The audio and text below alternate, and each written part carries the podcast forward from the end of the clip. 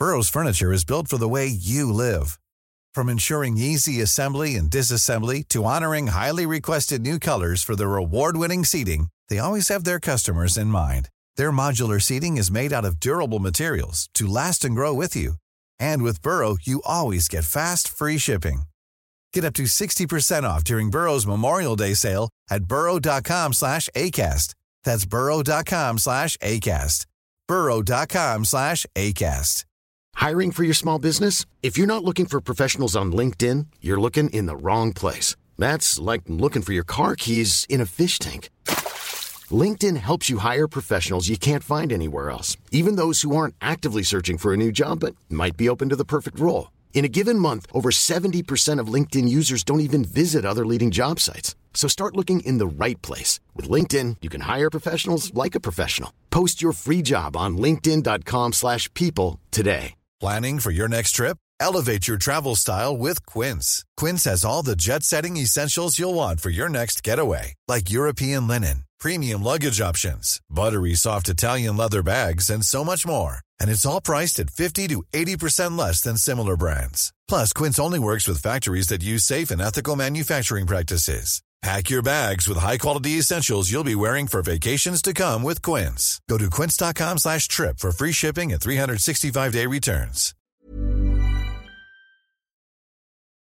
Den 28 februari 1986 skjuts den dåvarande statsministern Olof Palme till döds i korsningen Tunnelgatan, Sveavägen i Stockholm.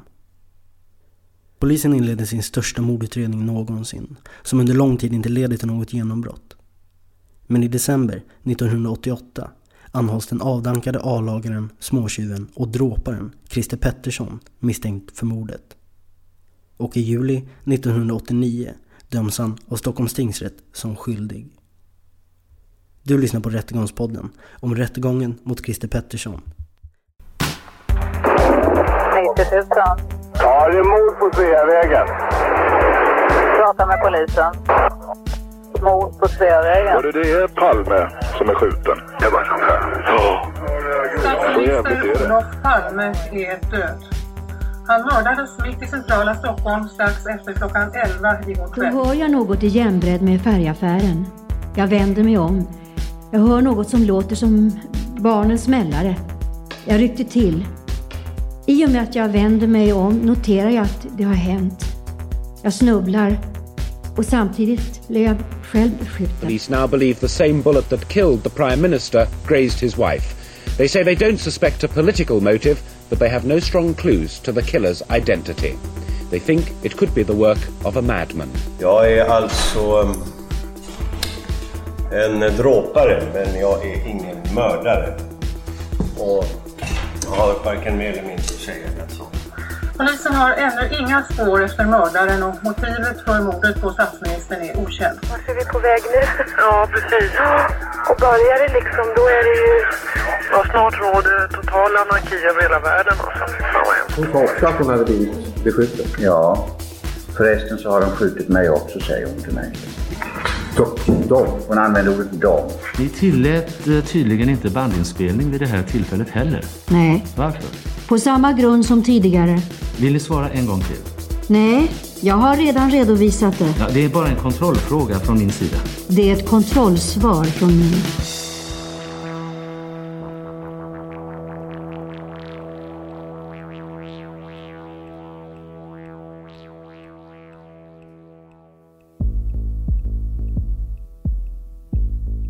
I juni 1989 drar rättegången mot Christer Pettersson igång i Stockholms tingsrätt. Men Olof Palmes fru, Lisbeth, vägrar låta sig spelas in under rättegången och hennes ljudupptagningar finns idag inte att tillgå. Hon vägrar också att låta Christer närvara under hennes målsägande förhör och denna särbehandling hon får kommer i efterhand mötas av stark kritik. Och Lisbeth är i den här situationen just målsägande och alltså inte rent formellt ett vittne. Detta eftersom hon själv blev beskjuten av gärningsmannen. Men Lisbeths förhör tas upp på stenografisk väg, vilket några år senare kommer att spelas upp i Sveriges Radio. Och de är röstskådespelare som spelar de berörda parterna. Så det vi nu inledningsvis kommer att höra är alltså inte Lisbeth Palmes, åklagare Anders Helin och advokat Arne Liljeros egna röster. Jag har en fråga till fru Palme rent allmänt. Jo, fru Palme. Jag skulle vilja vädja till er att återta ert tidigare krav om att vår klient inte får närvara vid förhöret. Jag vet att domstolen beslutat detta, men jag bedömer denna konfrontation så angelägen. Jag menar att han har ett stort intresse av att se hela ert förhör inför domstolen. Och jag menar att det är en säkerhetsfråga att han får närvara hela tiden. Jag ber er tänka över detta och lämna ett besked. Eh, Domstolen har fattat sitt beslut. Det är en vädjan. Jag kommer att svara samma sak gång på gång. Vi får ta upp eh, förhöret på stenografisk väg. Det är åklagarna som har begärt förhöret. Vem av åklagarna är det som ska... Och det är åklagare Anders Helin som inleder förhöret med Lisbeth. Vi hade diskuterat att gå på en film som heter Mitt liv som hund. Men strax innan bestämde vi oss för att gå på den här andra filmen som hette Amadeus. Och bara som en side-note så misstar sig Lisbeth här om vilken film det var de såg. Det var alltså inte Milos Formans film Amadeus utan i själva verket Susanne Ostens film Bröderna Mozart som gick på bio den kvällen. Var det här biobesöket någonting som ni hade diskuterat i flera dagar? Nej, vi bestämde oss rätt sent. Var det någon utomstående som visste att ni skulle gå på bio? Vi hade talat om att gå på bio. Hade ni i samtal med andra människor nämnt någonting om detta? Ja, med Sven Aspling talade vi strax innan, men det var så sent som halv nio. När lämnade ni bostaden? Var det vid eh, halv nio-tiden? Ja, just det. Vi promenerade sen till tunnelbanan. Lade ni märke till någonting egendomligt på vägen från Gamla stan? Blev ni efterföljd av någon? Inte som jag märkte. På tunnelbanan under resan, märkte ni då om någon följde er? Jag la inte märke till något speciellt. Vad hände när ni kom till biografen? Eftersom vi var sent ute. Eh, Filmen började en kvart över, har jag för mig. Vi stod i kö för att köpa biljetter. Ni hade inte biljetter tidigare? Nej. Det har framkommit att ni satt på skilda platser. Ja, eftersom vi inte hade beställt i förväg.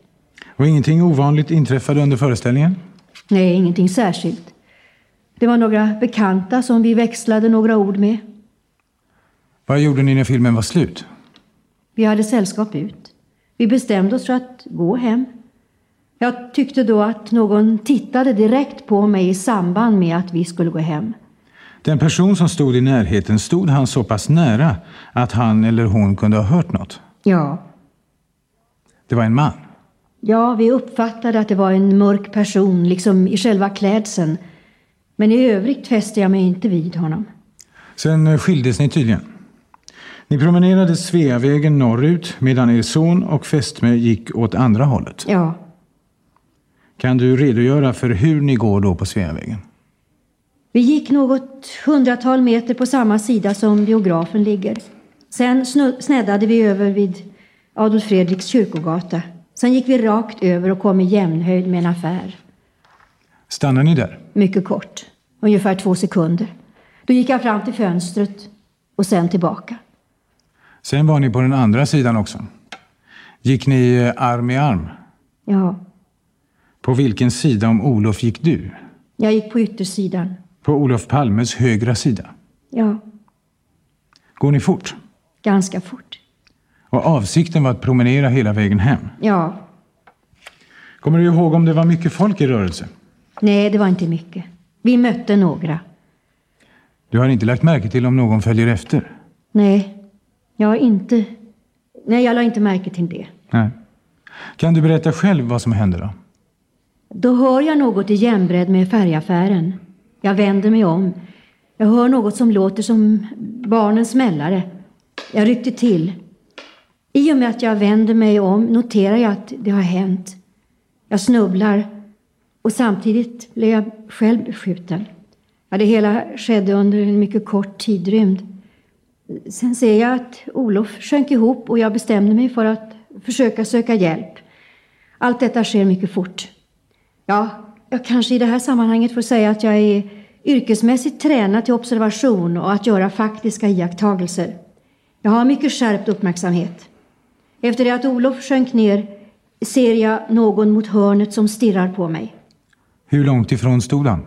Det går inte att mäta upp. Det måste ha varit väldigt nära. Kanske fem meter bara.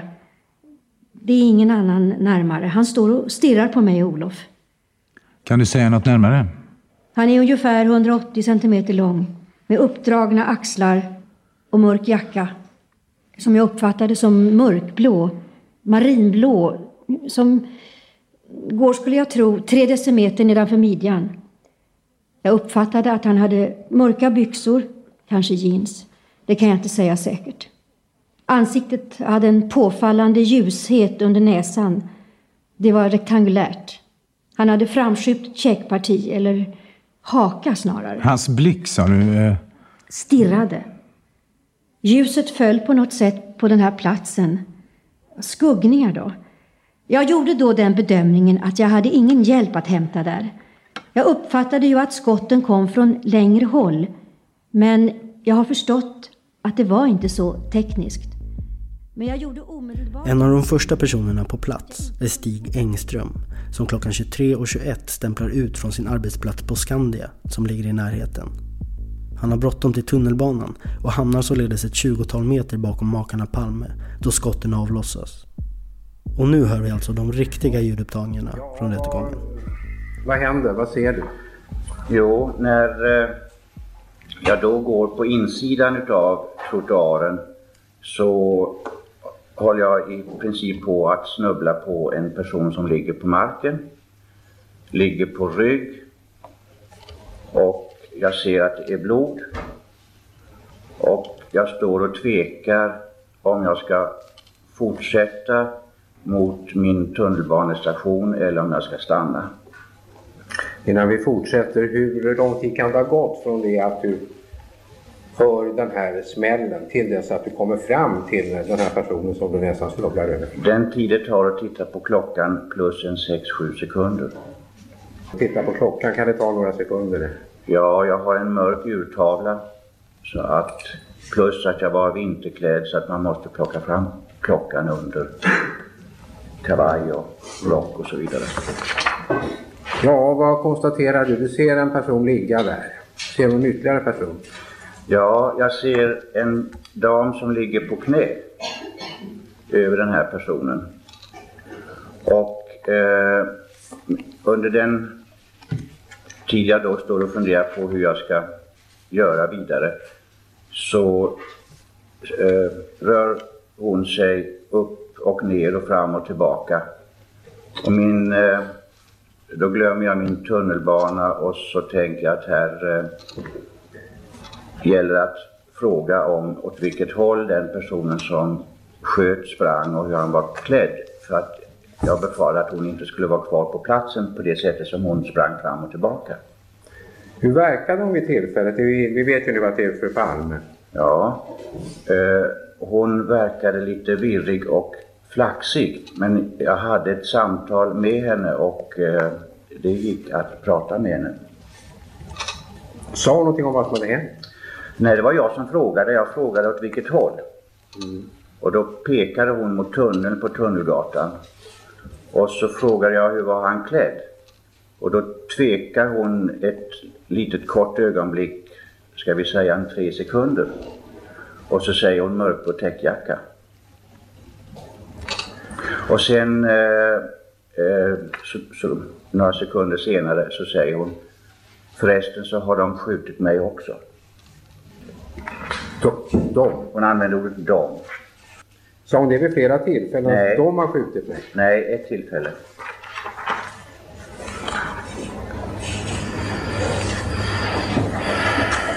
Sa fru Palme om hon hade sett flera personer? Nej, hon använde bara det uttrycket och det, var- mer än så pratade vi inte med varandra. Kom det fram flera personer dit? Det kom allt eftersom så kom det fler personer men eh, jag var ju på utflykt då när jag skulle springa ifatt poliserna. Så eh, när jag kom tillbaka då hade även ambulansen kommit. Men när du första gången kommer fram till den här platsen, finns det, finns det ytterligare personer där? Ja, jag står ju då en kort stund och funderar på vad jag ska göra. Då tänker jag inte på om det finns fler eller inte, men eh, då omedelbart efter så, så ser jag bland annat en, en ung flicka och en ung grabb.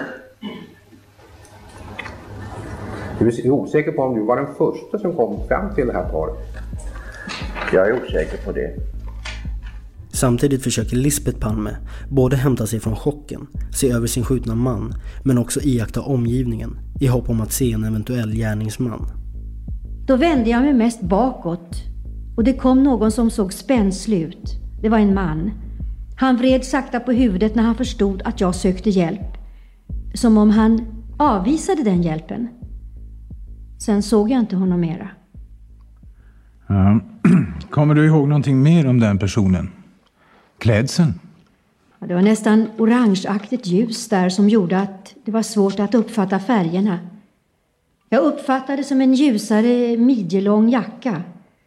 Jag såg egentligen inte ansiktet tydligt. Men han gav ett spänsligare intryck. Det här var en mycket kort tidsrymd. Det började komma folk. Jag uppfattade att den person som jag sett stirrade. Jag sökte hjälp. Jag noterade fragment av att han sprang bort. Jag tror det är ungefär två steg som jag lägger märke till. En särskilt studsande gång på något sätt. Men det är bara två steg, tror jag, som jag uppfattar. Jag försökte fortfarande få hjälp och det kom människor. Det kom så småningom också polis och ambulans. Jag ser att det står någon vid baracken mitt på Tunnelgatan, på den vänstra sidan av baracken, i hörnet. Liksom, där står, som jag uppfattade samma person och stirrar tillbaka. Vid tre tillfällen uppfattade jag att det var samma person. Du har alltså intrycket av att det är samma mörkklädda person som du har sett? Vid två tillfällen i varje fall. Eftersom det var nästan vid affären bakifrån. Det är en mycket kort tidsperiod som allting händer. Jag tycker att det pratas bakom mig. Det, det stör mig. Jag vädjar till åhörarna att inte röra på sig så mycket. En annan av dem som var först på plats var Anders Björkman som precis lämnat en fest och är vid tillfället något berusad då han hör två skott avlossas. Och jag hann inte gå så länge förrän jag hörde då två smällar. Och jag trodde att det var ja, typ påsksmällare och väntade ungefär på något skratt ifrån någon bil eller något sånt. Mm. Men då såg jag samtidigt att eh, det ramlade en människa framför mig. Och så såg jag en som gick därifrån. Och två eh, rökmoln. Mm. Och då förstod jag att det hade varit någon som hade blivit skjuten. Och jag vet inte om jag klev något steg tillbaks eller om jag gick ett steg framåt och, och klev in i porten där Dekorima tror jag den heter. Mm. Mm. För jag förknippade det här med det som hade hänt då i, i Medborgarhuset. Mm. Så jag visste inte, jag tänkte att det kanske kommer att smälla mera. Mm. Ja. Och sen sa du att du ser någon springa därifrån. Typ. Nej, inte springer. Går. Går. Och jag ser nu bara två steg. Mm. För jag upplever som så att här kommer ett sällskap som har haft trevligt och så skjuter någon bara och går därifrån. Och den som går därifrån, i vilken riktning går han? Han går eh, Tunnelgatan ifrån Sveavägen. Är det i det skedet som den här personen faller omkull på marken? Nej, han har ramlat innan. Han har ramlat innan. Ser du några andra personer i närheten? Än de här tre? Det blir väldigt tyst och stilla just på, på, på Sveavägen när det, smäller. Så det verkar som det försvinner här. alla människor som var. Mm. Den här eh, mannen som nu du ser försvinna, gå därifrån. Har du någon minnesbild av honom? Kan du beskriva honom?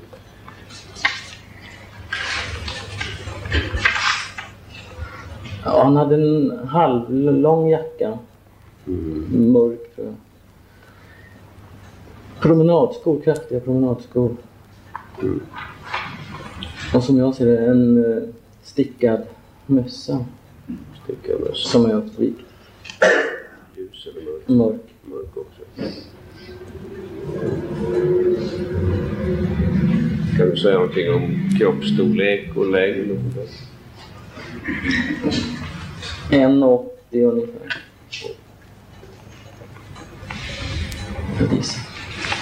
Då var det en kraftig person eller smal?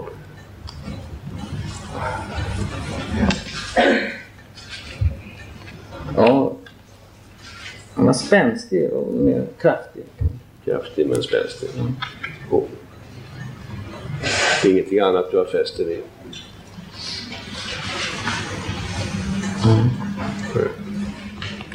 Du stod kvar i porten där? Och där stod jag i porten.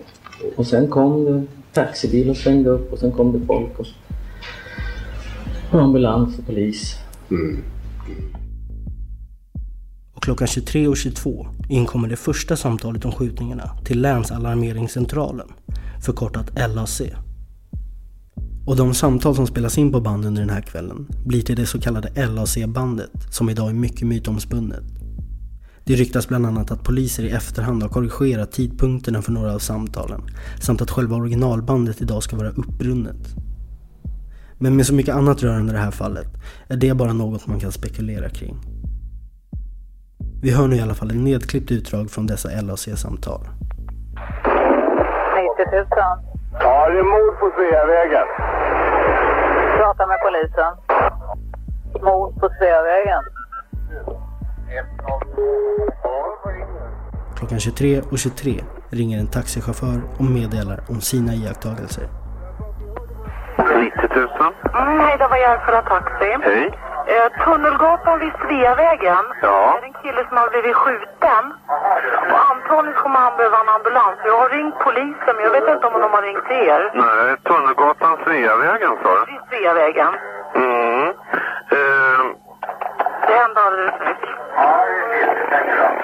på skjuten sa du? Ja, polisen är på väg dit också. Är, de, var, är det någon taxi från er där på plats? 2517 heter han som står kvar där tills polisen kommer. Järfälla Taxi 2517. Mm, men då, då kommer vi på en gång, hörru. Mm. Med ambulans. Mm, hej. Jag med det. Någon är skjuten på Tunnelgatan, Sveavägen. Polisen ringer, ja. Järfälla Taxi väntar där. I Stockholm alltså? Ja, det är växeln som ringer. Ja, tack. Tack. Klockan 23.28 ringer Claes Byström från LAC, Sabbatsbergs akutmottagning och varnar dem att en skottskadad är på intågande. Akutmottagning Sabbatsberg. Hej, Claes. Hej. Några få minuter. En man skottskadad, skjuten i bröstet. Jaha, skottskada, skjuten i bröstet, några minuter. Ja. Hej. Vid 23.37 har en reporter från Expressen snappat upp händelsen och söker Birre Engström, riksledaren på LAC. Larmcentralen GIA. Driftsledaren. Ett ögonblick.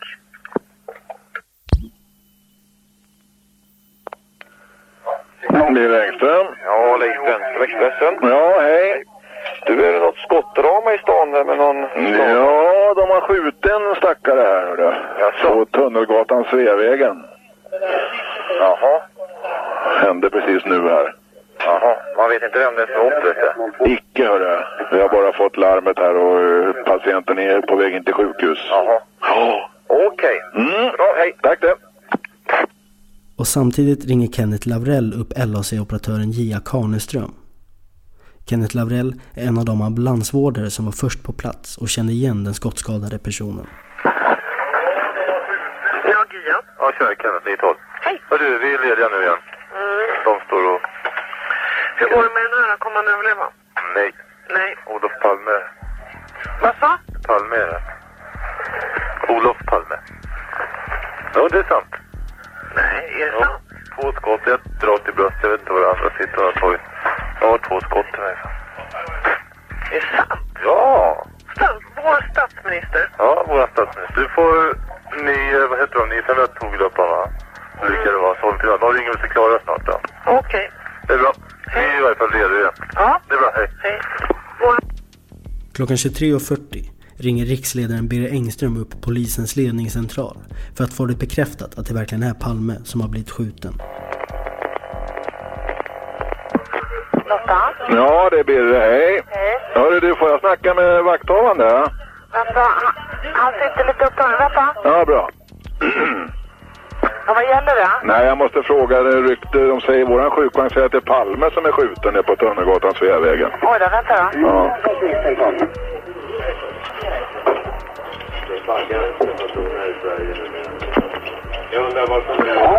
Ja, det är Birre här, vakthavande på LAC. Hej. Ja, hej du. Hörru, de säger att det är Palme som är skjuten. Jaha.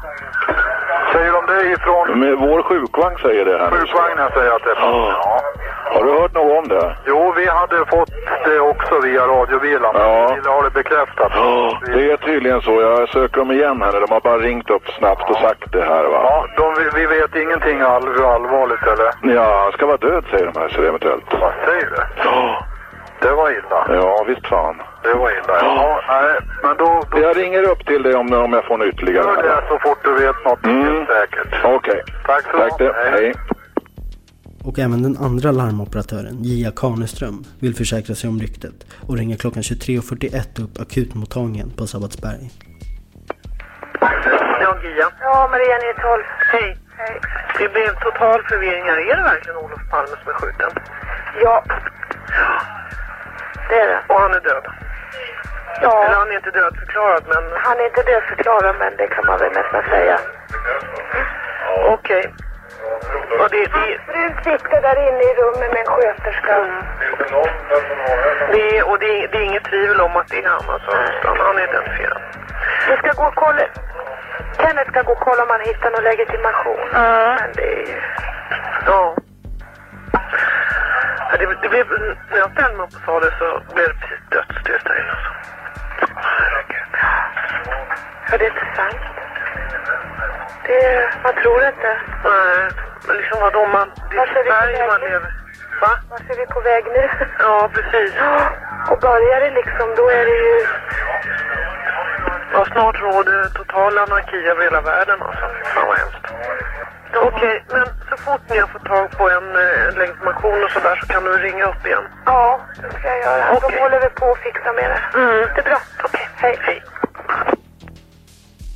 Och klockan 23.43 ringer Birger Engström upp polisens ledningscentral igen.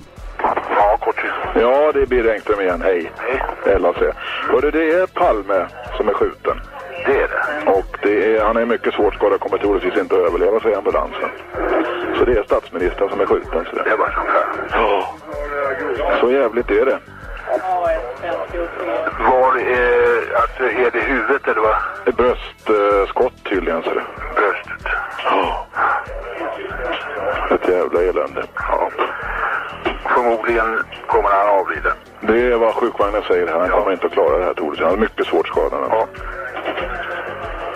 Okej. Då vet du. Tack. Hej.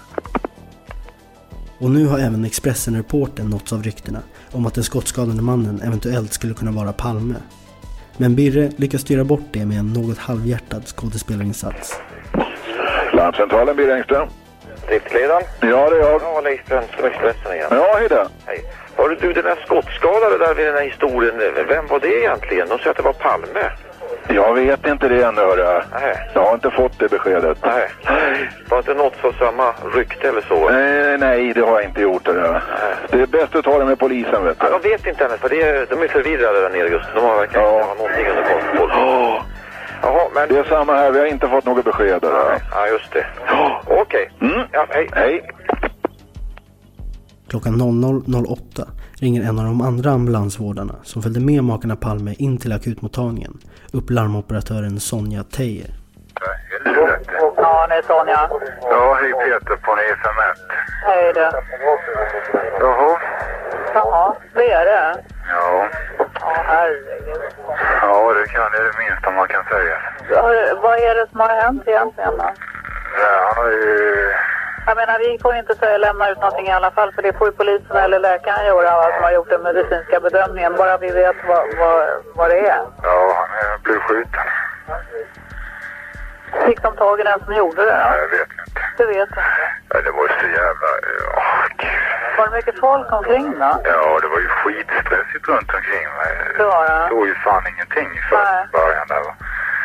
Det blev ju bara stoppa då. Ja, Ja, det blev, vi sa just det, det blev ju dubbel chockverkan på det viset. Tack vare att ni borde bara hoppa på er också.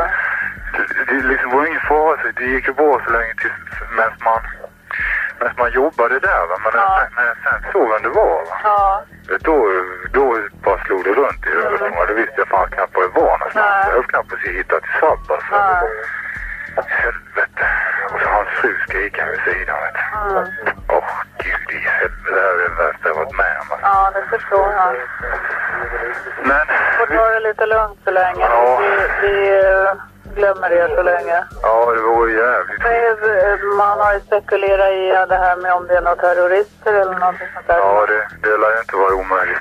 Det är inte omöjligt. Nej, det lär det ju inte vara. Vet du. Nej. Det vet ju ingenting. Nej. Ja, ja. Men eh, försök att ta det lite lugnt. Ja, det länge. ska göra. Vi Vi, glömmer er så länge. Ja, vi, vad- vi spelar med det vi har så får vi se. vad schysst. Ja då. Vi är väl klara här om kanske en tio minuter någonting. Mm. Ja, kanske 15 minuter. Ska ni komma upp och fika? Ja, Kan det vara något? kanske det. Koppla av en stund och snacka lite runt omkring. Det kanske kan vara bra bara va? Ja då. Gör det. Vi hör av oss då. Kom och tryck på knappen. Ja, det är bra. Okej. Hej. Hej. Och klockan 00.13 börjar Kenneth Ed på LAC ringa upp andra sjukhus och förbereder dem på att få ta emot fler patienter. De har beslutat att helt stänga ner akutmottagningen på Sabbatsberg. Hallå, Monica Lundqvist. Ja, hejsan. Jag heter Kenneth. jobbar på larmcentralen. Jag har en hälsning från kirurgforum på Sabbakuten. De måste stänga hela akuten på Sabbatsberg en timme på grund av en händelse på stan. Ja, åt helvete. Vad hänt då? Ja, det får vi inte säga än. Men, men... Ja, det, nej, det är inte klart än. För du får tala med doktorn själv på kirurgen om du vill liksom... Ja, just det. Men ni kan alltså vara beredda på att få ta över patienter på larm och, och så vidare under en timme ungefär. Timme då? Ja, eh, för att... När då? Från och med nu, ja. För det är ganska rörigt där just nu. Och eh, ja, det, jag har ringt till KS och sagt till deras jour också att samma sak kan drabba dem. Va? Det kan bli spridning då så. Ja, just det, precis. Så att du vet att de inte kommer fel av, av ingen anledning så att Det har hänt något i alla fall så att de stänger akuten. Ja, de måste det. Både medicin och kir kirurg. Det måste ha hänt något väldigt stort. Ja, det, det är rörigt i alla fall. Det är mord. Eh, du får ringa till doktorn på, på kirurgen på SAB om, om du vill veta vidare. För det är inte, det är inte klart ännu alltihopa. Men det jag ska ringa. Det är en större händelse i alla fall. Ja, det förstår jag. Mm. Det är bra, tack. Tack, hej. Vad var det du heter, du? Jag heter Kenneth och jobbar på LAC. Okej. Kenneth Ed. Hej. Tack, hej.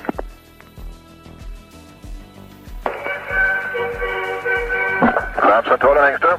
Hej Engström, det är Kaneström. Tja! Hur går det?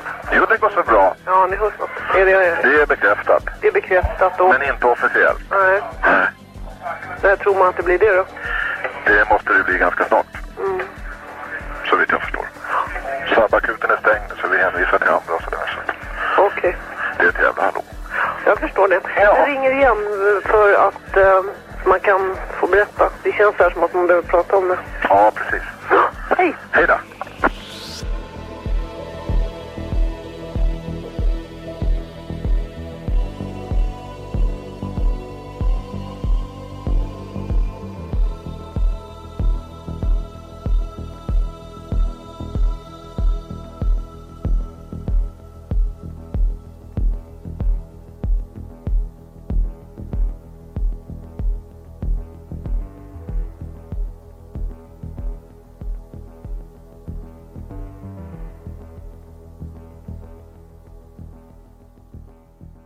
På morgonen den 1 mars möts omvärlden av nyheten om Palmes död.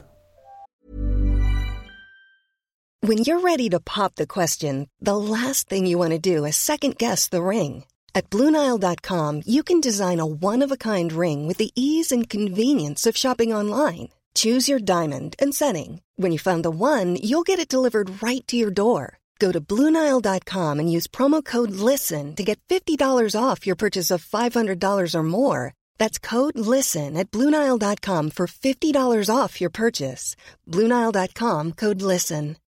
Millions of people have lost weight with personalized plans from Noom, like Evan, who can't stand salads and still lost 50 pounds. Salads, generally, for most people, are the easy button, right? For me, that wasn't an option. I never really was a salad guy. That's just not who I am. But Noom worked for me. Get your personalized plan today at Noom.com. Real Noom user compensated to provide their story. In four weeks, the typical Noom user can expect to lose one to two pounds per week. Individual results may vary. I'm Sandra, and I'm just the professional your small business was looking for. But you didn't hire me because you didn't use LinkedIn jobs. LinkedIn has professionals you can't find anywhere else, including those who aren't actively looking for a new job but might be open to the perfect role, like me. In a given month, over 70% of LinkedIn users don't visit other leading job sites. So if you're not looking on LinkedIn, you'll miss out on great candidates like Sandra. Start hiring professionals like a professional. Post your free job on linkedin.com/people today. Planning for your next trip? Elevate your travel style with Quince. Quince has all the jet-setting essentials you'll want for your next getaway, like European linen, premium luggage options, buttery soft Italian leather bags, and so much more. And it's all priced at 50 to 80% less than similar brands. Plus, Quince only works with factories that use safe and ethical manufacturing practices. Pack your bags with high-quality essentials you'll be wearing for vacations to come with Quince. Go to quince.com slash trip for free shipping and 365-day returns. Planning for your next trip? Elevate your travel style with Quince. Quince has all the jet setting essentials you'll want for your next getaway, like European linen, premium luggage options, buttery soft Italian leather bags, and so much more. And is all priced at 50 to 80% less than similar brands. Plus, Quince only works with factories that use safe and ethical manufacturing practices. Pack your bags with high-quality essentials you'll be wearing for vacations to come with Quince. Go to quince.com/pack for free shipping and 365-day returns. When you need mealtime inspiration, it's worth shopping Kroger, where you'll find over 30,000 mouthwatering choices that excite your inner foodie. And no matter what tasty choice you make, you'll enjoy our everyday low prices, plus extra ways to save, like digital coupons worth over $600 each week. You can also save up to $1 off per gallon at the pump with fuel points. More savings and more inspiring flavors make shopping Kroger worth it every time. Kroger, fresh for everyone. Fuel restrictions apply.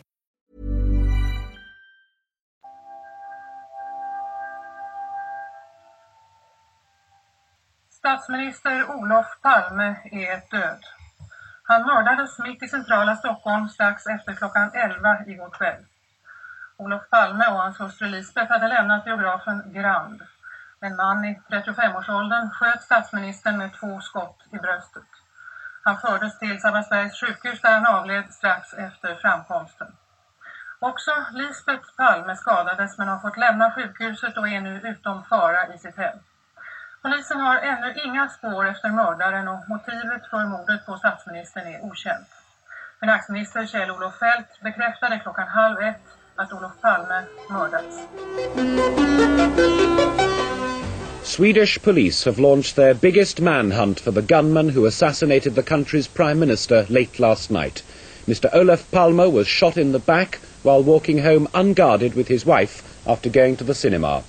Police now believe the same bullet that killed the Prime Minister grazed his wife. They say they don't suspect a political motive, but they have no strong clues to the killer's identity. They think it could be the work of a madman. Och det kommer att gå över två år innan polisen, som efter en viss tids spaning, beslutar sig för att plocka in Christer Pettersson som misstänkt för mordet.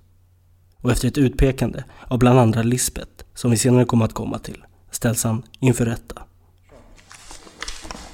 Visst, jag är lite osäker på var vi ska börja, men, men en början kan väl vara att du talar om vem du är. Presenterar dig själv för domstolen.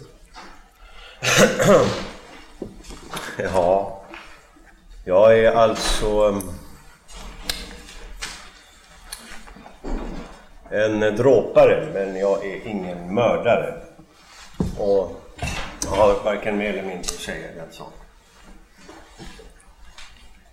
Mm. Ja. Det var kort och koncist. Ja. Det Christer Pettersson menar med att han är en dråpare relaterar till en händelse som utspelade sig 19 år tidigare, i december 1970. Christer Pettersson har precis rymt från Ulleråkers sjukhus och befinner sig just nu mitt i centrala Stockholms julrush. Han har handlat julklappar till sin syster, men har också inhandlat en stor, skarpslipad bajonett till sig själv som han bär i en kasse. Samtidigt har två män, Bengt Karlsson och tvåbarnspappan Karl-Gösta Silsäter, precis lämnat en julfest på jobbet. De kommer gående längs Sveavägen, där också Christer Pettersson kommer gåendes.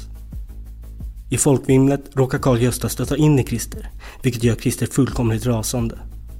Christer frågar skrikandes vad fan de håller på med, medan Bengt och Karl-Gösta försöker lugna ner situationen. Men bara minuten efter har ett fullbordat bråk uppstått. Karl-Gösta och Christer knuffas och brottas i trängseln och Karl-Gösta gör allt för att få undan en mycket kraftigare Christer. Han lyckas komma ur greppet och flyr in runt hörnet på Kungsgatan. Men Christer ger sig inte utan springer efter honom och nu med sin bajonett i högsta hugg. Karl-Gösta flyr in i en port men Christer är i kapp och hugger med stor kraft in bajonetten i Karl-Göstas bröst ett flertal gånger. Karl-Gösta är chanslös.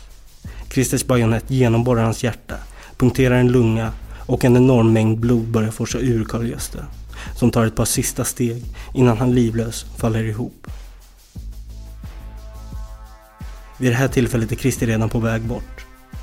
Han blir jagad av några vittnen till händelsen, men springer snabbare än dem och lyckas ta sig ifrån dem och flyr Sveavägen norrut via Tunnelgatan. Han flyr hem till en kompis som inte märker något konstigt med Christer och vittnar istället om en helt lugn Christer som med entusiasm pratar om julklapparna han köpt till sin syster. Den 18 juni 1971 dömdes Christer till sluten psykiatrisk vård för händelsen som då inte rubricerades som mord utan som dråp. Christer gick under lång tid efter detta under namnet Bajonettmannen.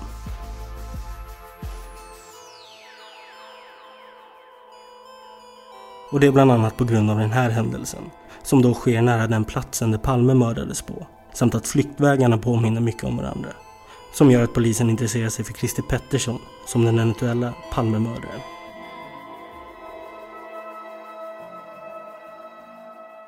Eh, om vi då går till den 28 februari 1986 så har ju redan advokat Liljeroos varit inne på vad du gjorde den kvällen.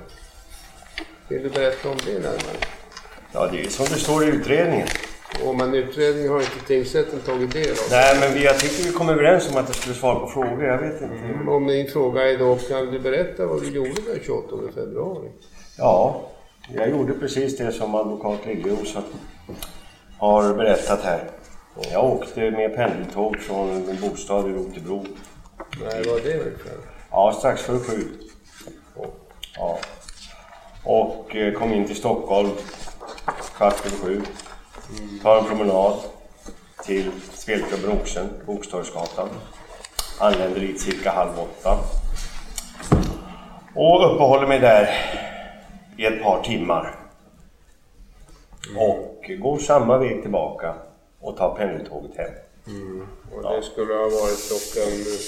Som jag sa i det allra första förhöret att med största sannolikhet, alltså till 90 procent, så tog jag tåget kvart i elva på kvällen. Men som jag också sa i första förhöret, jag kan ha tagit tåget kvart över elva. Antingen eller. Och kom hem när? Ja, strax före klockan 12 alltså. Mm. Efter att ha åkt upp till Efter att ha åkt till Märsta, ja. Mm. Jag frågar hur lång gångväg är det mellan din bostad och stationen där i Ja, fem minuter. Och ditt ärende i Stockholm, vad var det? Det som har framkommit här att det var att införskaffa amfetamin. Och brukar du göra det på Oxen? Stundtals, ja. Har du några andra ställen där du får amfetamin? Ja. Kan du berätta vad det är då? Ja, som det allmänt har framkommit så är det ju ofta på Tegnérgatan 16. Ja, och där bor? Jag bodde, antar jag. Ja. Man vid namn Cedergren. Mm. Och det var han som höll med amfetamin? Stundtals, ja. Mm. Men hur var det den här kvällen nu då? Den 28? Det var den här Hade kvällen. du ringt till Cedergren? Förlåt? Ringde du till Cedergren Ja. innan? Ja, säkert. Var han hemma då? Nej, jag fick inget svar. Du fick inget svar? Nej. Mm. Så att istället för att åka till hans bostad åkte du till Oxen då? Ja, jag ringde ett samtal dit. Jag eh, slog telefonnumret och eh, en mansperson som jag inte kan eh, precisera vem det var svarade. Eh, just Oxen alltså. Och Mm. jag frågade bara om, om det var öppet. Och mannen svarade ja på den frågan. Och med den utgångspunkten så åkte jag in och lämnade Du också. frågade inte om Cedergren var på Oxen inte? Förlåt? Frågade inte om Cedergren Nej, jag frågade ingenting. utan Jag bara ställde den enda frågan och fick det enda svaret. Ja, men den här kvällen så, så blir det Oxen i alla fall. Ja. Ja förresten, hur brukar du göra om, om du nu inte får tag i Sigge och det suger i tarmen? Ja, om man ska gå in på den detaljen då brukar jag oftast lägga ner verksamheten. Ja. Men den här kvällen blev det Oxen. Ja. Var Sigge där? Nej, inte när jag kom. Du kom dit vid halv åtta Ja. var det så? Ja. och vad gjorde du sen då på Oxen? Ja, det är ju det som, som det påstås att folk har svårt att vidimera. Men eh, vid ett av borden, ganska så nära ingången, så satt en man som jag känner igen sedan tidigare. Mm, vem är det då? Ja, Vet du vad han heter? ja han eh, heter Reine Jansson. Reine Jansson. Ja. Ja, du heter alltså Reinhold Julius Jansson. Vilket år är du född? 29. Det här är då Reine Jansson som... Lovar och försäkrar. På heder och samvete. På heder och samvete. Att jag ska säga hela sanningen Att jag ska säga hela sanningen. och inget förtiga, Och inget förtiga. tillägga eller förändra. Tillägga eller förändra. Och jag påminner om vikten av eden att du vid straffansvar är skyldig att prata sanningar nu. Har du uppfattat? Ja. Och han har en annan minnesbild än Christer gällande kvällen den 28 februari. Ja, vi pratar ju som ni vet i det här målet om kvällen den 28 februari 86 var det Oxen då. Ja. Jag hade bestämt träff med Cedergren där. När kom du dit? Ja, jag kom väl dit. eh, Vi skulle träffas klockan 11 på kvällen. Och jag var väl där en kvart, 20 minuter före. Minns du vad du gjorde den där dagen den 28? Nej, jag har väldigt dålig minnesbild från dagen i övrigt. Jag vet inte ens om, eh, om vi bestämde sammanträffande på telefon eller om jag var hemma hos Cedergren. Men du minns att ni bestämde att träffas på kvällen? Där? Ja, Och du kom dit sa du vid ja 20 kvart i 11 ungefär. 20 kvart i 11. Han skulle sluta jobba klockan 11. Men du är säker på det här klockslaget? Ja, det är jag. Var det mycket folk på eller? Nej, det tror jag inte. Jag minns inte speciellt många. Jag pratade väl knappast med någon. Men det var någon tjej som jobbade där, sen var det några stycken som jag såg. Sen det finns ett rum till där som jag aldrig var inne i. Hur länge var du där tror du innan ni var det? Ja, jag tror att vi gick därifrån kvart över, senast 20 över 11. Det kan vara en halvtimme, någonting sånt. Jag var där en halvtimme, ja. Ungefär. Och vad gjorde du under den tiden kom du Jag satt vid nästa hängde ett bord där. Träffade du Christer Pettersson? Nej, då, jag inte. Vad sa? Träffade du Christer Pettersson? nej, inte vad jag minns. Det har du ingen minne. Nej. Du vet inte om du träffade någon annan bekant heller? Det är väl inte om Sigge förstås? Nej, jag såg ju den här killen som eh, är död nu, vad heter han? En utav ägarna där. Paul Molander? Ja, just det. Han var där. Var Lena Åkerlund tror du? Nej. Det? Ja, i så fall så hade vi suttit och pratat med varandra. Reine minns alltså varken att Christer eller Sigge Cedergrens tjej Lena Åkerlund var där. Vilket är försvårande för Christer, som har klara minnesbilder över kvällen och att Lena Åkerlund var där. Och han säger ju för sin del att han inte kan vidimera det, men eh, det utgår jag från. Jag kan inte tänka mig annat än att det kommer att bli klarlagt under rättegången. Ja, nej, men det är liksom bara vad du minns nu så. så Nej, det är inte vad jag minns, utan det var så som det gick till. Ja, just det. Annars hade jag inte sagt den historien, för att den är så pass långsökt, den kan inte konstrueras. Men jag ska alltså gå in på det nu när vi är inne på det. Jag kommer till klubben, här sitter Reine Jansson. Och eh, av de som då befann sig på klubben så var han faktiskt den enda som jag på rak arm kände igen. Och jag morsade på honom och frågade hur... Ja, jag nämner någonting om Sigge. Hur är det med Sigge? Var är han? Och så vidare. Ja, det, han är inte här sa han. Det, det är inte riktigt bra mellan, mellan honom och eh, Lena. Vem är Lena? Ja, det var hans dåvarande kvinna. eh, Kan man väl säga. Och hon uppehöll sig vid det tillfället längre in i lokalen. Tillsammans med en väninna som för sin del var klädd i en eh, gråaktig kort pälsjacka. Du har gott minne tydligen. Ja, det har jag. Ja, men det där med damers klädsel och sånt där, det kommer Ja, ihåg. det är det att jag har bara sett henne med en väninna vid ett tillfälle och det var just den gången. Ja. Annars har jag sett henne ensam hemma hos Cedergren. Men just då så gick det till på det viset. Ja.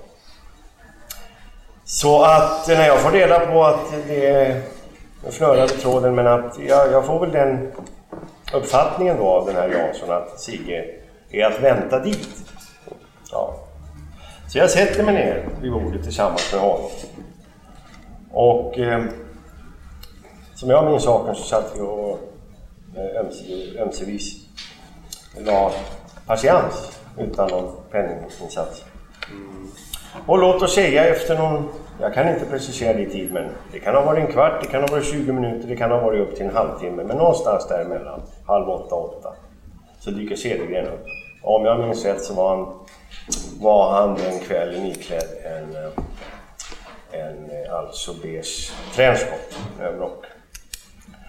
Och då var klockan... Och... Ja, strax, ja, cirka åtta alltså. Eller någonting alltså, inte, inte senare. Nej. Och vi hälsar på varandra. Och jag frågar honom lite diskret om han har något amfetamin. Och jag kan inte påminna mig om han bad mig vänta för att åka och hämta eller om han skulle gå ut i bilen och hämta eller om han rent av hade det på sig. Eh, och gav mig det omedelbart. Men eh, i alla fall så um, fick jag amfetamin av honom. Och um, eh, ja, han sätter sig ner alltså vid bordet. Jag sitter på den här sidan och han sätter sig alltså bredvid Reine så att de två sitter mitt emot mig. Och eh, i samband med det så kommer alltså Lena Åkerlund som uppehåller sig med sin väninna eh, lite längre in i lokalen fram till bordet. Och stående säger hon till Cedergren eh, Hur länge ska vi hålla på så här? Hon syftar väl då alltså uppenbarligen på deras fnurra på tråden. Och Sigge han rycker på sitt karaktäristiska sätt på axlarna han svarar ingenting på det där. Och delvis för att jag ville ha en grogg och delvis kanske för att ja, börja prata om något annat då. Och slippa lyssna på eventuella eh, replikväxlingar mellan dem. Så säger jag till Sigge, har du en grogg? Och Sigge säger att jag har ingen sprit. säger han. Ja, säger Lena Åkerlund, och jag har sprit. säger hon. Och tar alltså till, eh, till eh, viss förvåning kan man ju säga då, ur sin eh, väska upp. Ja, jag kan inte säga om hon tar upp till väskan om hon går tillbaka in i lokalen. Men under alla omständigheter så ställer de på bordet fram två helflaskor starksprit. Tackar jag. Ja. Förlåt? Jo, jag tackar jag. Ja, jag menar det. Ja, visst. Så att... Eh, jag införskaffar någon läskedryck där i en läskedrycksautomat. Det. Och sätter mig och häller upp en grogg. Och tar den och häller upp en till. Och... Eh, ja, jag kan inte säga... Vi sitter där och pratar om, om, om... Jag kan inte säga något ämne som vi pratade särskilt mycket om. Och jag kan heller inte säga... Sigge Cedergren minns dock att Christer var på Oxen under mordkvällen. Men håller inte med om Christers redogörelse om vad som där skedde. Jag har kontroll över men det händer ju kanske att någon lämnar någon flaska med små mindre. Kommer man ställa upp en sån flaska på bordet och sitta? Nej, det, det förekommer inte. Det var så. Det förekommer inte. Christer Pettersson säger att Lena den här kvällen ställde upp två stycken helflaskor sprit på bordet och han satt där och drack under en avsevärd period. Ja, men nej, jag kan inte erinra mig att eh, hon var där. Jag kan inte lämna spritflaskor. Vet ungefär vad klockan var när Christer lämnade Rosen? Ja, det borde väl varit runt, tio eller någonting. Runt tio någonting? Och Sigge hävdar även att Christer skulle ha lämnat Oxen vid 22-tiden. Vilket inte heller stämmer med vad Christer säger. Men Christer minns även ytterligare detaljer kring vad som hände den kvällen på Klubb Oxen. Som skulle stärka att han åtminstone varit där och träffat de personer han säger sig ha träffat. Och det rör sig då alltså om en fullmakt gällande en köpeskilling Sigge och Lena emellan. Som Sigge ber Christer utfärda åt dem. Tid räknat när resonemanget uppstod. Men någon gång under det som jag hela tiden har beskrivit som en två timmars period jag befinner mig där. Så uppstår det alltså mellan Cedergren och Lena Åkerlund eh, diskussion om att det mellan dem ska skrivas ut en fullmakt av något slag. Eh, och eh, Cedergren säger de här orden, han säger att det här kan Christer skriva ut, säger han, för han är lite hemma på sånt där. Han uttrycker sig så. Ja, det kan jag väl göra, säger jag i så fall. Mm. Och eh, jag kommer inte ihåg var jag fick penna och papper ifrån. Om, om det var någon som kom fram med det eller om jag hade penna brukar jag ha på mig som regel. Men, eh, eller om jag hade papper på mig eller det, det togs någonstans. Det kan jag inte komma ihåg de detaljerna. Men i alla fall så förhörde jag mig med Cedergren om vad det här skulle gälla. Och eh, började skriva fullmakten på fri hand och fick väl lite felaktiga uppgifter eller kanske rent av missförstod uppgifterna från början. Så att jag var tvungen att stryka över. Men sen så småningom fick jag klart för mig vad fullmakten skulle gälla. Och skrev då som sagt var ut den på fri hand. Och den undertecknades i det eh, sammanhanget av Lena Åkerlund och av mig. Och av ett namn till. Jag har ju sen sett här i utredningen att det står Mikael Larsson eller någonting sånt där på, på den här fullmakten. Och vem som har skrivit det namnet, det kan jag idag inte säga. Det kan ha varit Cedergren själv, men det finns egentligen ingen anledning. Eller det kan ha varit till exempel Reine Jansson. Jag har sagt eh, vid samtal med Liljeros att det skulle i och för sig kunna kanske vara värt att göra ett skriftprov med den här Reine Jansson. För att faktum kvarstår att han var där på den där kvällen. Lika väl som Lena Åkerlund. Trots att de enligt åklagarsidan inte säger sig kunna minnas det. Nå, i alla fall, jag skrev under och Lena Åkerlund skrev under. Och sen var den fullmakten utskriven och jag kan inte heller säga vem av Cedergren och Åkerlund som tog hand om den fullmakten. Och den här fullmakten har någon gång skrivits på det sätt Christer beskriver. Den återfinns senare, men eftersom den inte är datumstämplad vet man alltså inte om den skrivits just denna aktuella kväll på Oxen. Vi hör Sigge. Har du något eh, minne av att eh, det skulle upprättats någon form av eh, fullmakt den här kvällen? Om det var just den här kvällen, det kan jag inte komma ihåg. Men en fullmakt skrevs ju. Mm. Kommer du ihåg när den skrevs? Nej, jag kan inte erinra mig det. Det kan du inte? Du har sett fullmakten? Ja. Eh, Så därför vet du att det är en fullmakt? Ja, ja. Men du kommer, inte, kommer du ihåg någonting om tillkomsten av den? Eh, ja, jag såg fullmakten erinra mig att vi hade upprättat en sån där. Men eh, den tidpunkten, den kommer jag inte ihåg. Varför upprättade ni den? Kommer du ihåg det? Det var ju boxen. Var det på Oxen som den upprättades? Ja, det ska jag tro. Mm. Men du vet inte vilken dag? Nej. Så inte heller detta tycks vara en korrekt minnesbild från Christer, vars förehavanden på Klubb Oxen under mordkvällen inte tycks få mycket uppbackning. I det här, i det här, i det här besöket så vet jag inte, kan jag inte erinra mig om vem man pratade med eller vem som var där. När kom Reine till Oxen? Ja, han kom väl då vid eh, elvatiden ska jag tro. Elva tiden? Ja. Vet du om Christer hade gått då? Ja, det hade han. Har jag hört. Så Christer säger att han umgåtts med Reine under kvällen. Men enligt Sigge lämnar Christer oxen innan Reine anländer. Och Reine har själv inget minne av att han träffar Christer då. Så Christers redovisning för kvällen är besvärande för honom. Och ännu mer besvärande blir det då fler vittnen kommer in i bilden. Jubisa Najic, som hade en korvkiosk i närheten av mordplatsen, vittnar om att det var Christer Pettersson som följde efter makarna Palme kort tid innan mordet. Den person som bar siffran 8 på den här videofilmen, han sitter där som nummer två. Ja. Från vänster. Känner du igen honom? Ja.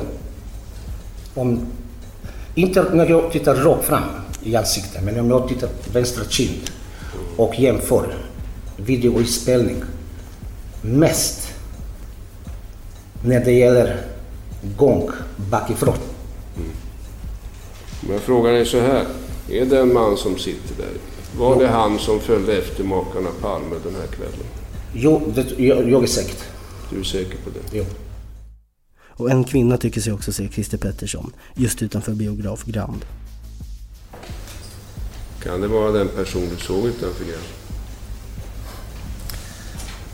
Han är, han är rätt lik.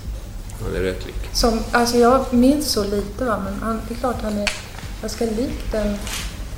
Men jag har bara sett liksom ögonen sådär, tänkt på det. Hastigt. Jag fattar det så att han liknar den person du såg utanför Grand, men du kan inte yttra om det är han eller inte. Ja, Är det riktigt uppfattat? ja. Och utanför bion sitter en man i en bil, väntandes på sina föräldrar som har varit på samma föreställning. Även han tycks sig se Christer Pettersson där. Men jag ser då en mansperson till höger om entrén som gör att jag direkt får någon sorts olustkänsla. Och det som har så att säga etsat sig fast då i mig är eh, blicken från den här personen. Är han lik den person du såg utanför Grand där på kvällen? Ja, jag försöker ta bort eh, mustaschen här. Jag försöker också... Jag har alltså inget minne, minne av något mörkt hår eh, som jag har sett på någon. Jag har minnet av någon, någon sorts eh, mössliknande. Va? Och eh, sätter jag på den här personen en, en, en mössa och tar bort mustaschen så så är det mycket likt. Väldigt lika. Och även en gammal knarkarkompis till Christer, Roger Östlund, vittnar om att han inte bara sett Christer utanför biografen, utan att han även träffade honom där. Så när jag står där och ska börja ringa, då träffar jag Christer. här. Då, står han utanför grannbiografen.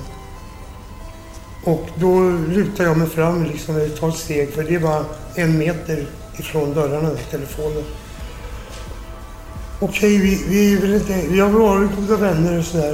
Rätt Direkt ovänner har vi inte varit, men det hade hänt en episod 85 innan så här. Men jag ville i alla fall prata med honom. Om vad det visste jag inte. Men han... Eh, om man säger någonting, jag kan inte uppfatta det. Jag öppnade dörren lite grann. Då. Jag ville att han skulle komma in eller vi skulle öppna en dialog där. Så du, du gör han någonting avvisande i alla fall. Så han, jag fick uppfattningen att han var inte intresserad av mig. Och eh, såg... Eh, ja, då fick jag det här i tankarna i alla fall att det inte stod rätt till mellan oss två sen sist. Så det var inte mycket mer. Då gick han emot eh, kiosken på, ja, på Sveavägen mot kyrkan. Är du absolut säker på, Roger, att du träffade Christer? Ja, jag är absolut säker. Dessa utpekanden är mycket besvärande för Christer, som redan har det svårt att redovisa för vad han gjort under kvällen. Men det finns en person som Christer stötte på under sin hemfärd, som vittnar till Christers fördel. Med samtal och utskrivande av fullmakt och drickande av ett antal groggar tog, enligt min uppfattning, ett par timmar. Och då kommer jag tillbaka till det som jag har sagt hela tiden att jag lämnade Stockholm från Stockholms central med 90% i sannolikhet kvart i 23 och med 10% i sannolikhet kvart över 23. Ja. Och så gick det till den kvällen. Ja. Det här... eh, Ja, ska vi ta den här hemfärden också på en gång? Ja. Hur gick den till? Det antyddes att du skulle ha somnat på Ja, det gjorde jag. Och vaknade upp för att Märsta är ju ändhållplats. Och jag har i förhör sagt att eh, jag blev väckt av en, en konduktör, alltså en SL-tjänsteman. Och det vill jag påstå än idag. Eh, låt vara att, att jag kanske ja, eventuellt vaknade i samma veva som han gick igenom vagnarna, men under alla omständigheter så, så, så vet jag att jag eh, vaknade i Märsta och att eh, jag gick ut på perrongen och satt på en trebänk där en stund och rökte en cigarett och väntade för att det är alltså vändande tåg, det är samma tåg som åker tillbaka. Och jag åkte också tillbaka med samma tåg och kom då till, till Rotebro. Eh, allra senast, ja, någon minut, fem i tolv alltså. Ja. Det rör sig alltså om en vaktmästare som är välbekant med Christer Pettersson sedan tidigare. Som bekräftar Christers berättelse om hur han somnat på tåget hem till Rotebro och vaknat upp på ändhållplatsen i Märsta. Ja, jag går in och visar kort, i spärren. Och på väg ut så fick jag, fick jag se en som satt där. Och jag reagerade på en gång, det var Christer Pettersson. Han satt på en bänk, framåtlutad så här. Och titta ömsom dit och rätt ner. Och inte nog med att Christer nu ser ut att ha ett alibi. Vid närmare granskning så stämmer inte tidsangivelserna hos flera av de nyss hörda vittnena, vars iakttagelser visar sig ha skett efter Palme blivit beskjuten. Och åtalet mot Christer börjar nu falla samman. Den största vikten kommer att läggas på Lisbeths utpekande av Christer vid en videokonfrontation. En videokonfrontation som väcker stora frågetecken. Sen skulle jag vilja hoppa fram i tiden till december förra året. Det visades då en videofilm med 12 personer. Kan du redogöra för hur det gick till vid det tillfället när du fick se den här videofilmen? Det var en så kallad videokonfrontation varvid två åklagare deltog. Eftersom jag då är yrkesmässigt väl medveten om vad det innebär att göra en sådan konfrontation och det vid ett tidigare tillfälle hade gjorts på ett sätt som ur perceptionspsykologisk synvinkel inte är godtagbart och jag visste i den här situationen inte hur många konfrontationer till som jag skulle behöva gå igenom. Därför så var det väldigt viktigt. Från och med nu är det förbjudet att gå ut eller in i rättssalen under återstående delen av förhöret. Det är en oerhört svår situation att peka ut den här personen. Jag var angelägen om att inte så många störande... Det är förbjudet att gå in och ut. Kan advokat Arvidsson sitta någonstans? Störande moment är väldigt besvärande. Jag menade då under konfrontationen. Jag var angelägen om det eftersom det är så avgörande för en person om man pekar ut vederbörande. Och då ville jag försäkra mig om att det störande moment som jag hade upplevt under tidigare konfrontation inte skulle vara för handen. Jag kanske inte närmare behöver redogöra för hur sådana konfrontationer går till, för det känner ni kanske till bättre än jag. Men det är mycket dåliga konfrontationer ur perceptionspsykologisk synvinkel. Därför hade jag då försäkrat mig om att få en situation där jag kunde koncentrera mig inför denna. Och jag begärde också att få upprepa denna konfrontation. Vad känner du till om förutsättningarna när du gick till konfrontationen? Jo, att jag hade klart för mig att i och med att man har häktat finns det skäl att anta att misstankar riktas mot personen. Tidningarna skriver ju mycket. Man vet ju aldrig vad som är sant. Det mesta är ju inte det, men det händer. Det är klart att jag hade sett en del i tidningarna. Kan du redogöra för hur det gick till vid det här tillfället? Jag bad åklagarna att sätta sig bakom mig för att inte bli störd av dem under videovisningen. Sen gjordes visningen. Efter det hade jag... Jag blev mycket chockad då jag hade inte räknat med att det faktum att detta var den person som jag igenkände Jag värjde mig för att acceptera. Jag tror att jag först sa något om att personen såg alkoholiserad ut. Men jag var klar innan dess över att detta var den personen. Den person som du fastnade för var nummer åtta. Ja, Var det den person som du hade sett vid Tunnelgatan? hans utseende överensstämde med den personen utom att han hade, som jag uppfattade, inte mustasch då. Han hade mustasch på videofilmen men inte på mordkvällen. Ja, så uppfattade jag det. Ja, Jag vet inte riktigt hur tingsrätten har tänkt sig fortsättningen. Jag har inte fler frågor för ögonblicket. Det kan vara lämpligt att... eh, Christers advokat Arne Liljeros fortsätter och innan han kommer in på videokonfrontationen vill han klargöra för vad Lisbeth inledningsvis sagt om sina iakttagelser. Polisen har talat med er vid eh, flera tillfällen, inte sant? Ja, det finns ett kort förhör med er redan mordnatten, sidan 22-23 i huvudprotokollet. Där visar det sig att en kommissarie Kristiansson pratar med er på Sabbatsbergs sjukhus ungefär vid midnatt. Har fru Palme något minne av det? Kommer ni ihåg om ni fick beskriva den här mannen? det hölls inget förhör i den meningen. Nej, nej, det var ett samtal. Minns ni möjligen vad ni sa om mannens utseende, klädsel och så vidare? Nej, men jag minns att jag associerade till den grupp som har varit ett hot sedan tidigt 70-tal nämligen. Ustasja. Men det var i syfte att man inte skulle glömma bort det i det här. Eh, Vid det här samtalet på sjukhuset, eh, minns ni om ni sa något om stirrande blick? Det kommer jag inte ihåg nu. Det står så här på sidan 22. Fru Palme hade ingen uppfattning om vem som kunde avlossa skotten. Signalement, stor, kraftig, mörkhårig, iklädd midje eller trekvartslång blå eller mörkblå täckjacka. Det talades om midjelång eller trekvartslång. Det var inget förhör i den meningen som jag uppfattade det. Det var mycket obehagligt. Ja, det förstår jag. Det står inte något om att ni skulle ha sagt något om stirrande blick. Men är det möjligen så att ni inte sa någonting alls om det? Det kan jag inte uttala mig om. Ja, sen finns det en sammanfattning av förhör som jag har här som det står Hans Holmer Skog. Det är inte dagtecknat. Alla papper finns inte för övrigt i förundersökningen. Det här har jag fått separat av polisen. Vad är det för handling? Det är en handling som har gått från polisen.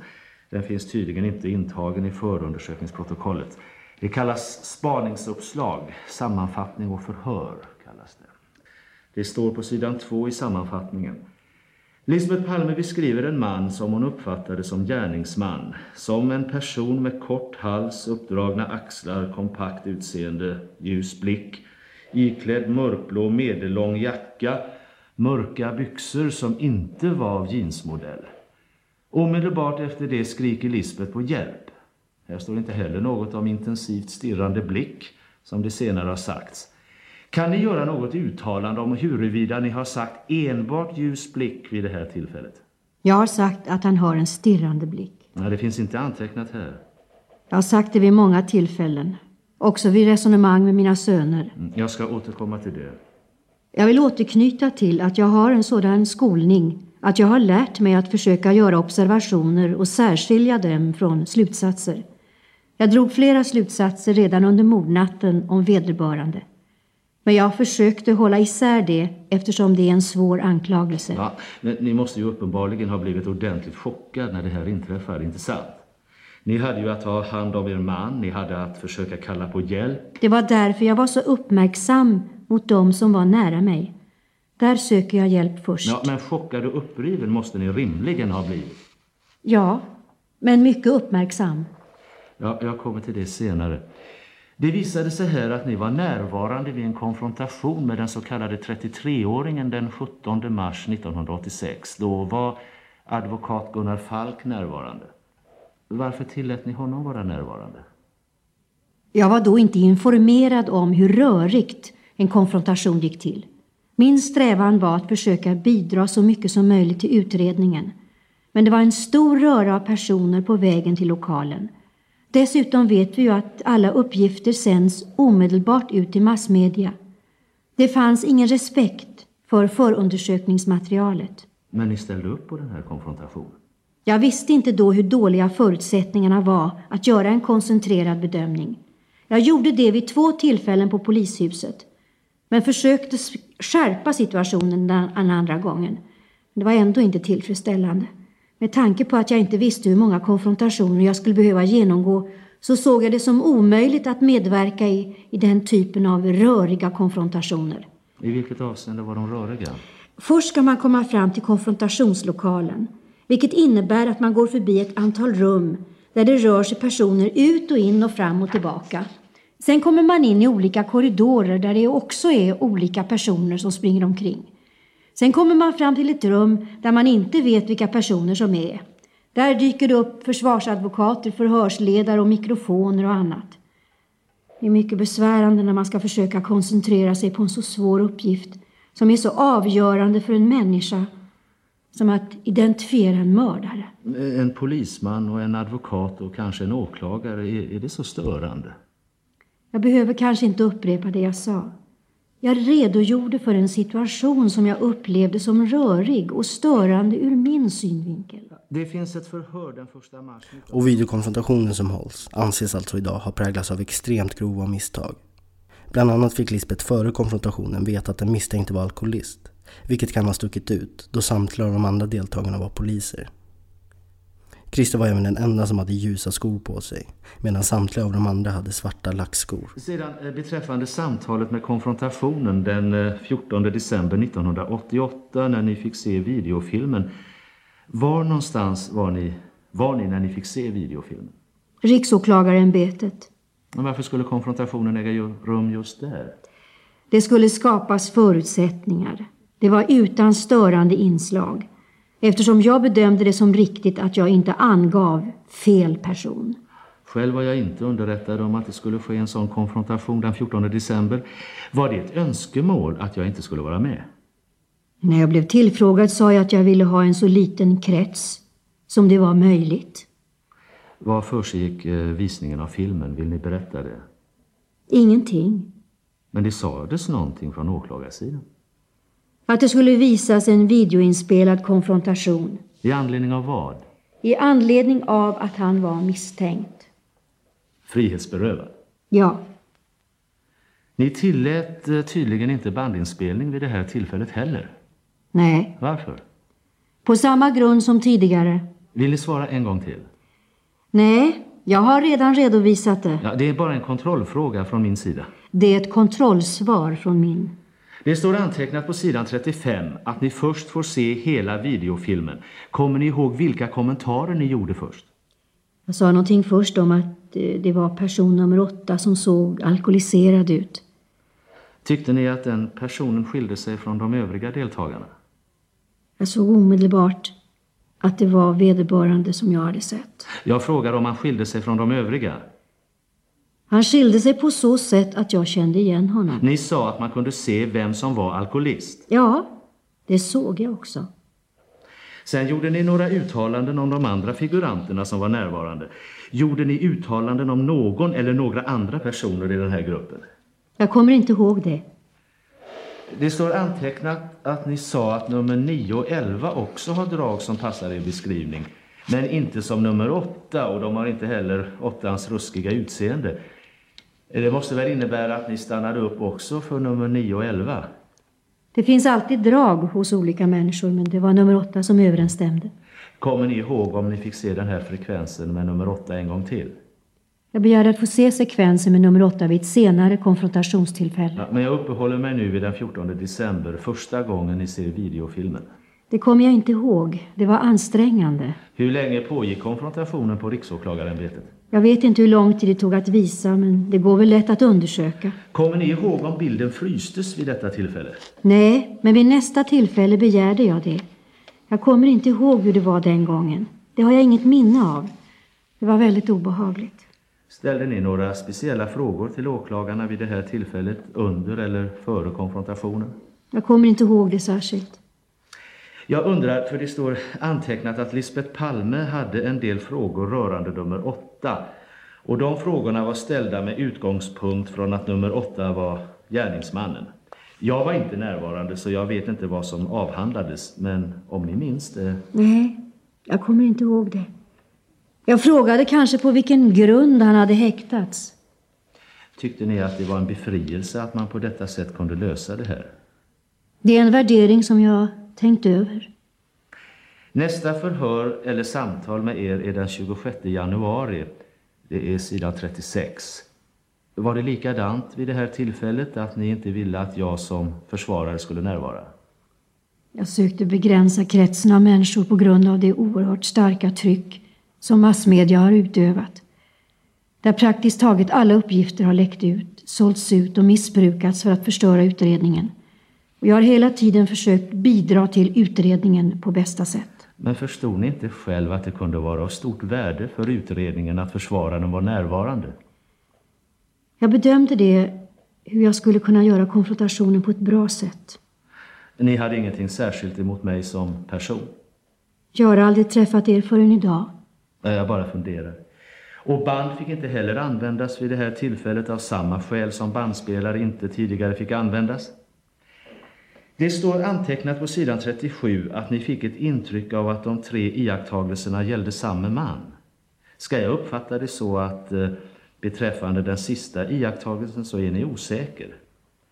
Det står angivet att ni har gjort tre iakttagelser, först från 5 till 7 meter, sedan att han sprang på andra sidan Tunnelgatan och sedan att mannen skulle ha varit längre bort vid barackerna.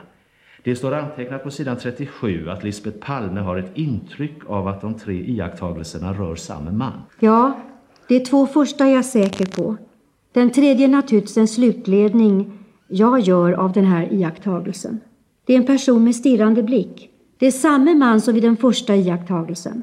Fick ni se videotejpen den 26 januari 1989? Jag förstod inte frågan. Jag talar om det sista förhöret med er den 26 januari i år. Jag undrar om ni fick titta på videofilmen vid det tillfället. Jag tror att jag begärde ett sammanträffande för att få se videon. Det var på mitt initiativ. Det var också på åklagarnas och min begäran som det skedde. Ni hann inte före mig. Ni fick se videofilmen. Kommer ni ihåg om ni fick se hela videotejpen? Nej, jag begärde att få se bara nummer åtta. Var det på fryst bild? Både och. Fick ni se hela konfrontationsgruppen först, inklusive nummer åtta?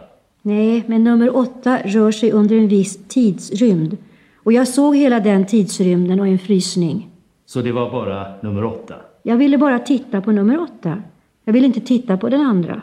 När ni fick se videotejpen den 14 december hade det gått nästan tre år sedan den aktuella händelsen. Det föranledde mig att ställa frågan. Är det inte tämligen omöjligt att efter tre år med någon större grad av säkerhet peka ut en person? Min säkerhet var stor. Tycker ni inte att det är ganska omöjligt? Det var inte omöjligt. Ni var själv uppenbarligen i ett chockat tillstånd, uppriven. Det måste ni rimligen ha varit vid mottillfället, inte sant? Som jag nämnde tidigare, jag var mycket observant och sökte hjälp. Men tittade ni er omkring efter hjälp? Ja, den här personen stod ju närmast. Jag förstod inte då att skotten var så nära som det tekniskt visat sig vara fallet. Men jag uppfattade den här personen.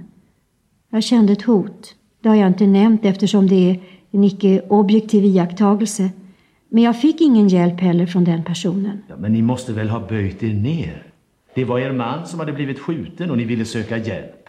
Det händelseförlopp som jag skildrat rör sig kanske om en minut eller mindre än en minut. Men vad jag undrar är, ni måste ha haft uppmärksamheten riktad på er man åtskilligt under den här tiden.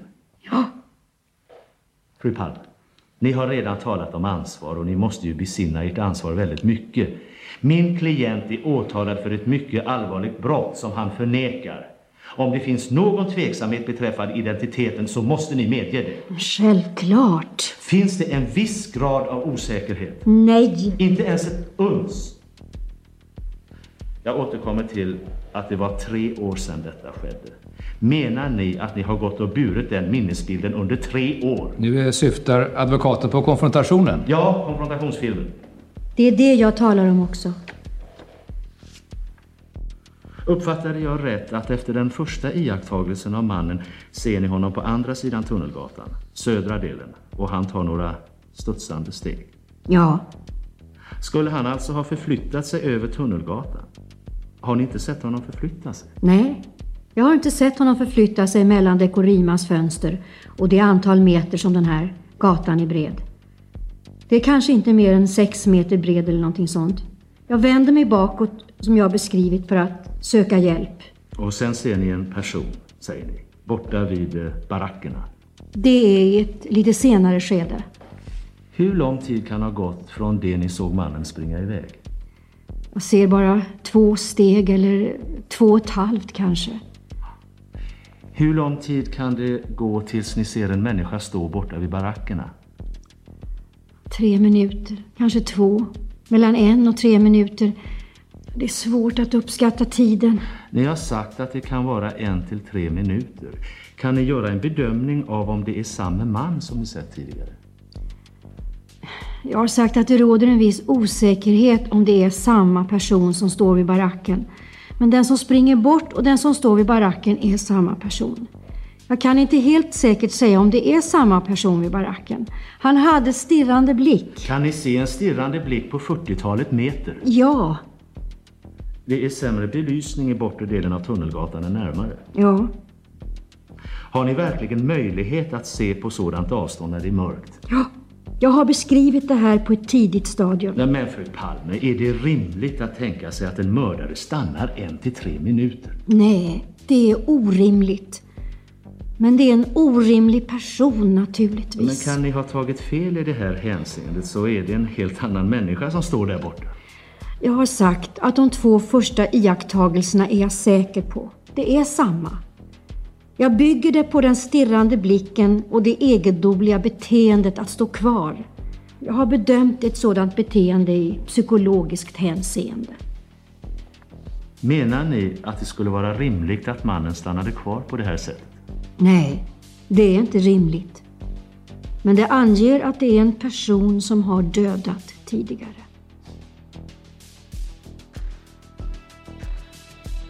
Den 27 juli 1989 döms Christer Pettersson för mordet på Olof Palme till livstidsfängelse av Stockholms tingsrätt. Men domstolen är djupt oenig och frågan om vittnesmålens bevisvärde är den främsta orsaken till denna oenighet. Christer blir så pass knäckt av domen att han tvekar på att överklaga till hovrätten men blir till slut övertalad av sin advokat. I november 1989 frikänns Christer Pettersson av en enig Svea hovrätt som ansåg att det inte gick att utesluta att Lisbeth Palme pekat ut fel person. Samma år beslutar riksåklagaren att inte överklaga hovrättens dom till Högsta domstolen. I maj 1990 beslutar justitiekanslern att staten ska betala 300 000 kronor i skadestånd till Pettersson för tiden han var frihetsberövad. Christer själv hade yrkat på 2 miljoner kronor. Ett år senare åtalas Pettersson för fem fall av kvinnomisshandel och för det blir domen ett års fängelse. I december 1995 avslöjar Sigge Cedergren på sin dödsbädd att han en tid före mordet lånat ut en Magnumrevolver till Christer Pettersson. Sigge har dock under resans gång ändrat sina uppgifter om Christers förehavanden många gånger och saknar därför trovärdighet. I mars 1997 avslöjar advokat Pelle Svensson bombmannen Lars Tingströms så kallade testamente. Tingström, som dömdes för bombattentat på 80-talet, pekar ut Pettersson som Palmes mördare. I oktober 2001 erkänner Christer Pettersson mordet för radiomannen Gert Fylking och i ett brev till tidningen Expressen. Ett par dagar senare förklarar han sitt erkännande med att det, citat, gav mig lite stålar. Den 29 september 2004 avlider Christer på Karolinska sjukhuset till följd av en hjärnblödning och organsvikt i samband med en skallskada han fick efter att tidigare ha fallit och slagit bakhuvudet i asfalten. Dåvarande statsministern Göran Persson kommenterade dödsfallet med orden Det är ett tragiskt liv som nu har kommit till sin ände. Du har lyssnat på Rättegångspodden om rättegången mot Christer Pettersson. Ansvarig utgivare är Jonas Häger. Tack även till Anders Degerberg för hjälp med ljudbearbetning av LAC-bandet. Jag heter Nils Bergman. Tack för att ni har lyssnat.